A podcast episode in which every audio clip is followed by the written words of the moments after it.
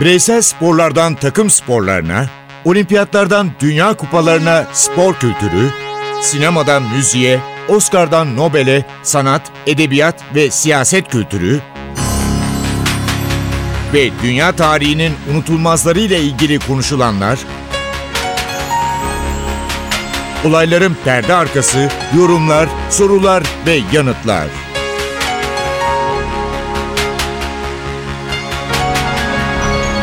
Ercan Taner ve Mert Aydın'la Ateş Arabaları başlıyor.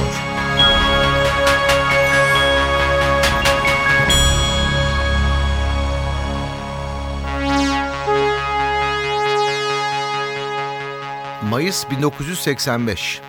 Tam tarihi de söyleyebilirim. 29 Mayıs 1985. O sabah ben Budapeşte'deydim. Avrupa Boks Şampiyonası vardı. Akşam da Avrupa'nın en büyüğü belli olacaktı. Ateş arabalarını açtık. Esasında Mayıs o gün hava çok güzeldi ama gece korkunç oldu. Brüksel'de o dönemde Heysel adı verilen stadyumda Avrupa Şampiyon Kulüpler Kupası finali oynanacaktı. Ve kupanın finalinde bir sezon öncesinin şampiyonu Liverpool ve İtalya'da yavaş yavaş ön plana çıkan Trapattoni yönetimindeki Juventus karşı karşıya gelecekti ve herkes çok müthiş bir maç izlemenin heyecanı içindeydi. Tribünler maçtan birkaç saat önce açıldı. Herkes yerlerine oturmaya başladı. Ancak o dönem 80'li yıllar özellikle İngiliz holiganizminin en yüksek seviyede olduğu yıllardı. Ve o yıllarda stadın güvenliğini sağlayan Belçika polisinin buna dikkat etmesi gerekiyordu. Ne var ki Tek tek şeye baktım. Tribünler. Tribünlerin nasıl adlandırıldığı X ve Y olarak adlandırılmış tribünler. Ve bu tribünlere Liverpool taraftarları yerleştiriliyor. Z adlı tribünde Juventus taraftarları var.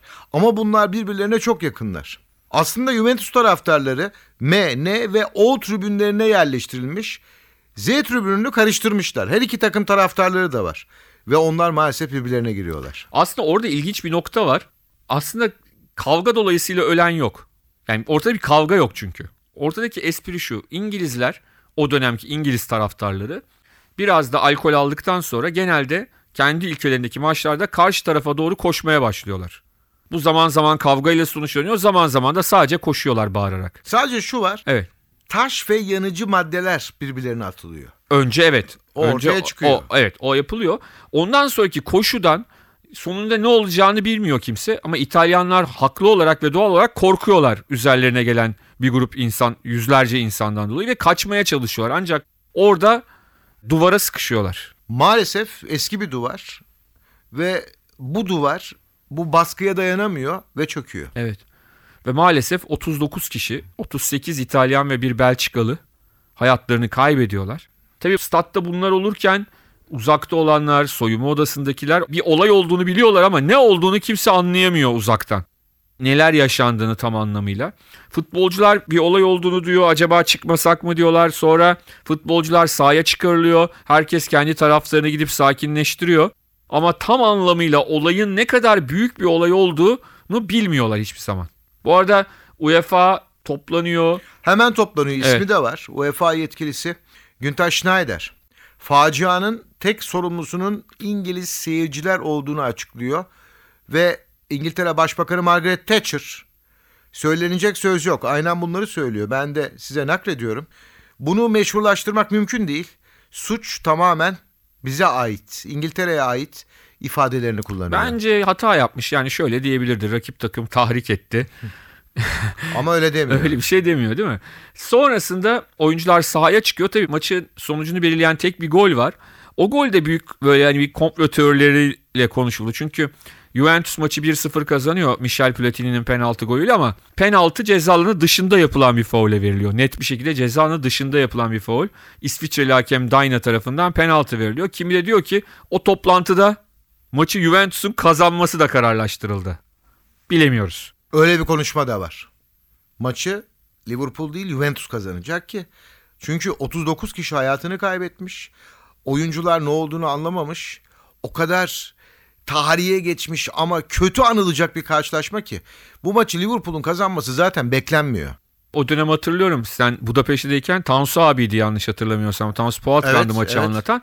Ve şimdiki gibi değil. Şimdi böyle bir durum olduğunda size zaten anında bütün bilgiler gelir. Artı gelmese bile sosyal medya sayesinde olaylara ulaşmanız daha kolaydır. Her şekilde kolaydır. Ama o dönem öyle bir dönem değil. Maç bir de başlamadı uzun süre o da top çevirmek zorunda kalmıştı yayında. Gerçi tam olarak bilgiler eline ulaşmadığı için olduğu yerden de kalkıp gitme şansı yok. O yüzden de bizde uzun süre hani bir arbede oldu ama ne olduğunu çözmekte çok zorlandığımız bir akşamdı. Stat 50 bin kişilik. Uzun bir süredir bakımdan geçirilmiyor. Stada 60 bin kişi alındığı daha sonra Belçika'da Brüksel savcısı tarafından ortaya konuyor. Ve hem Belçika polisi hem de belediye suçlu bulunuyor. Evet. Burada şunu da söyleyelim. Stat daha sonraki yıllarda yeniden yapılıyor ve adı değiştiriliyor. Kral bir- Boden. Evet biraz da hani bir daha o kötü anılarla anılmaması adına Kral Boden stadı olarak bugün Brüksel'de bu stat var. Ama hani Juventus'un tarihindeki ilk Avrupa şampiyonluğu bu. Şampiyon Kulüpler Kupası ama hani çok da güzel anılarla anımsadıkları bir şampiyonluk değil. Bu facianın ardından ne oluyor? Margaret Thatcher dönemin İngiltere Başbakanı. Abi bir 39 dakika kişi şimdi. hayatını Juve- kaybetmiş. Evet, Juventus'un şampiyonluğunu kutlayalım. Kutlayalım mı? Kutlayalım. Queen bir We Are The Champions'ı söylesin. Queen'e de geçeceğiz çünkü değil mi? Geçeceğiz bir onu dinleyelim de Peki. şampiyonluğu bir kutlamış olalım. I've paid my dues time after time. I've done my sentence, but committed no crime. And bad mistakes, I've made a few.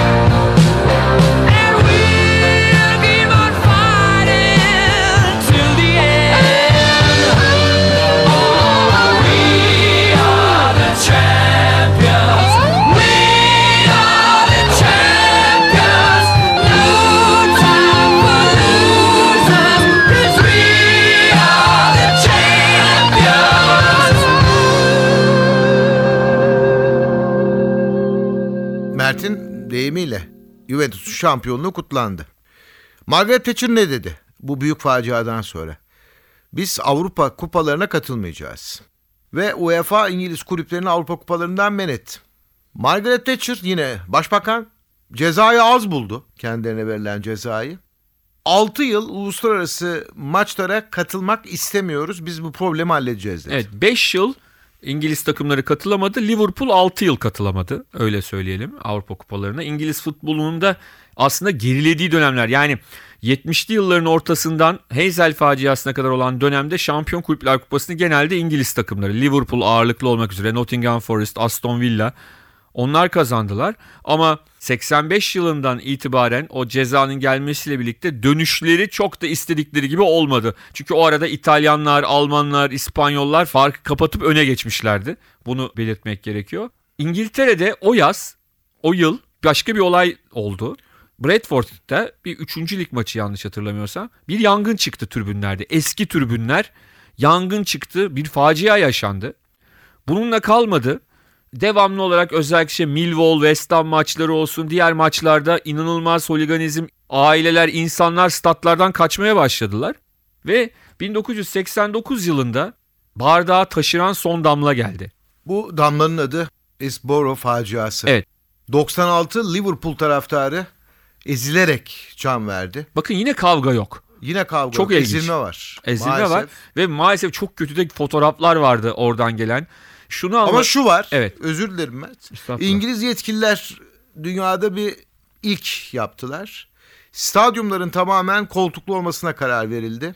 Statların önündeki o çitler kaldırıldı ve artık statlara güvenlik kameralarının o yıllarda yerleştirilmesine karar verildi. Yine bir ilk daha artık olay çıkaranlar, bunları holiganlar olarak adlandırıyor İngilizler.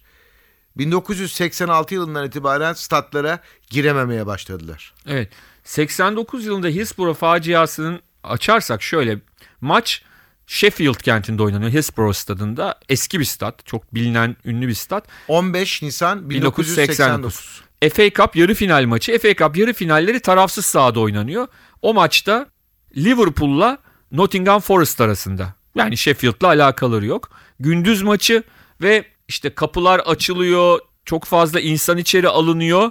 Ancak sonra kapılar kapanıyor. İnsanlar o sıkışıklıktan kaçamıyorlar. Kaçamadıkları için sıkışıyorlar ve maç oynanırken kırılıyor teller ve birçok insan- ortaya tam bir can pazarı Evet çıkıyor. birçok insan kendini sahaya atıyor. Cesetler işte 96 insan bugün Liverpool'un stadı Enfield'a gittiğinizde önünde bir anıt var. Orada ölenlerin isimleri önlerinde işte yanlış hatırlamıyorsam Steven Gerrard'ın da Adı kuzeni da var. hayatını ben onu kaybediyor. buldum. Evet. Ee, sen de yakalamışsın konuyu. John Paul Gilhooley. Steven Gerrard 10 yaşında. evet. Hayatını kaybediyor. Gerrard'ın kuzeni o da hayatını kaybediyor. Çok acı görüntüler. Zaten maç orada kesiliyor. Orada tabii şu oluyor. Sheffield polisi kendi hatalarını göstermemek için hatalı raporlar, bilerek hatalı raporlar yazıyor ve de The Sun gazetesini de kullanarak bunları ortaya atıyor ve sanki bütün suçu oradaki insanların üzerine atıyor. Hatta şu vardı Sun'da. Basının her zaman dikkatli olması lazım deriz ya. Ama The Sun'da ya da İngiliz tabloid basında böyle bir şey yoktur. İşte bazı ölen taraftarların cüzdanlarının çalındığı ileri sürüldü. Ve bu konuda muhabir The Sun editörü adı da var. Kevin Mackenzie. Kenny Dalglish'i arıyor. Manşet çıkmış durumda bu hakikat manşeti. Hırsızlıkla suçluyorlar açıkçası. O koca manşeti hatırlıyorsun değil mi? Hani hakikat yazan. Tüm yapmanız gereken aynı boyutta ve yalan söyledik yazılı bir manşet atmak. Belki o zaman sizi affedebiliriz diyor.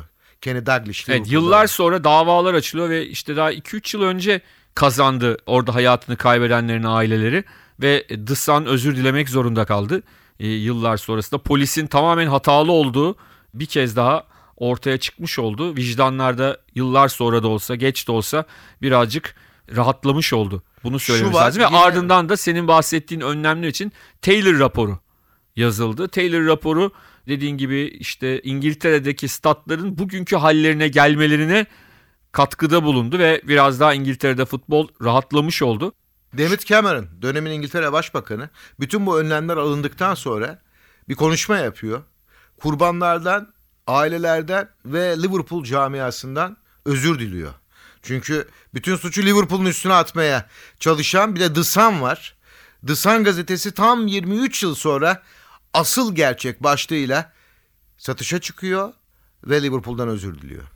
Yani çok acı ama bu milattan sonra da İngiltere'de statlar ve Premier Lig'in temeli atılıyor. Yani Taylor raporunun getirdiği şeyleri dünyanın her yerinde facialar var Ercan abi.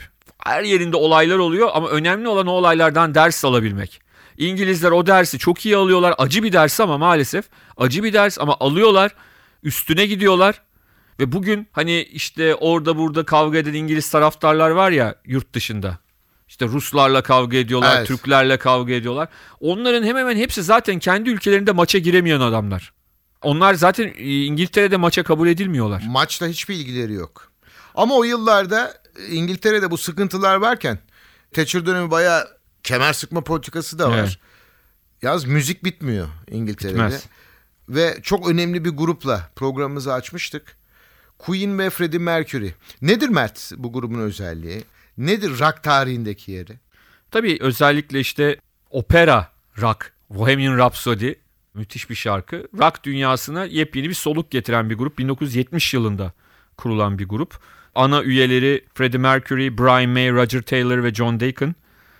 Bu grup Wembley konserleri, çeşitli yıllarda yaptıkları Wembley konserleriyle de ortalığı yıkan, o konserleri de klasik haline gelmiş bir grup. Konser performansları çok üst düzeyde bir grup. Ve tabii grubun lideri diyelim Freddie Mercury çok özel bir adam. Zanzibar doğumlu. 1992'de maalesef 91'de pardon AIDS'ten hayatını kaybediyor ama bugün de grup bir şekilde hayatla devam ediyor ama tabii ki Merkürli dönem esas grubun hitlerini ve o muhteşem şarkılarını söylediği dönem hem Britanya'da hem dünyanın her noktasında Queen hayranları hala onların şarkılarını dinliyorlar. O zaman biz de dinlemeye devam edelim. Neyi dinleyelim biliyor musunuz? Bicycle'ı. E, spor yapıyoruz. Bicycle diyelim o zaman. I want to ride my bicycle, bicycle, bicycle. I want to ride my bicycle. I want to ride my bike. I want to ride my bicycle. I want to ride it where I like. You say black, I say white. You say bar, I say bite. You say shark, I say him. And Jaws was never my scene, and I don't like Star Wars. You say Rose, I say Royce. You say God, give me a choice. You Say Lord, I say Christ. I don't believe in Peter Pan, Frankenstein, or Superman.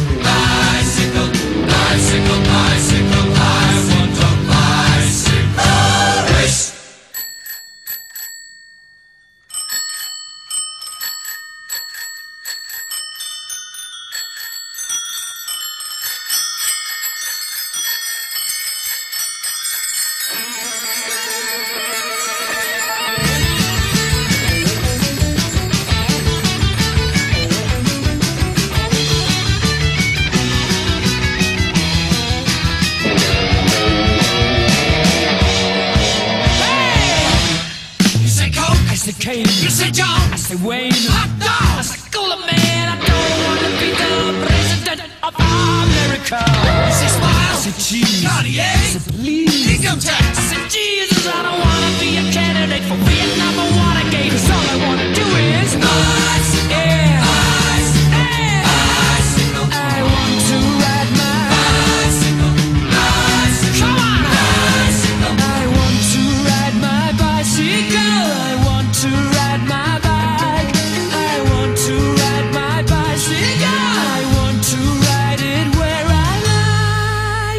like. Dediğimiz gibi Londra, Barcelona özellikle olimpiyatlardaki ve olimpiyat öncesindeki konser bu grubu bütün dünyanın çok sevmesine yol açtı.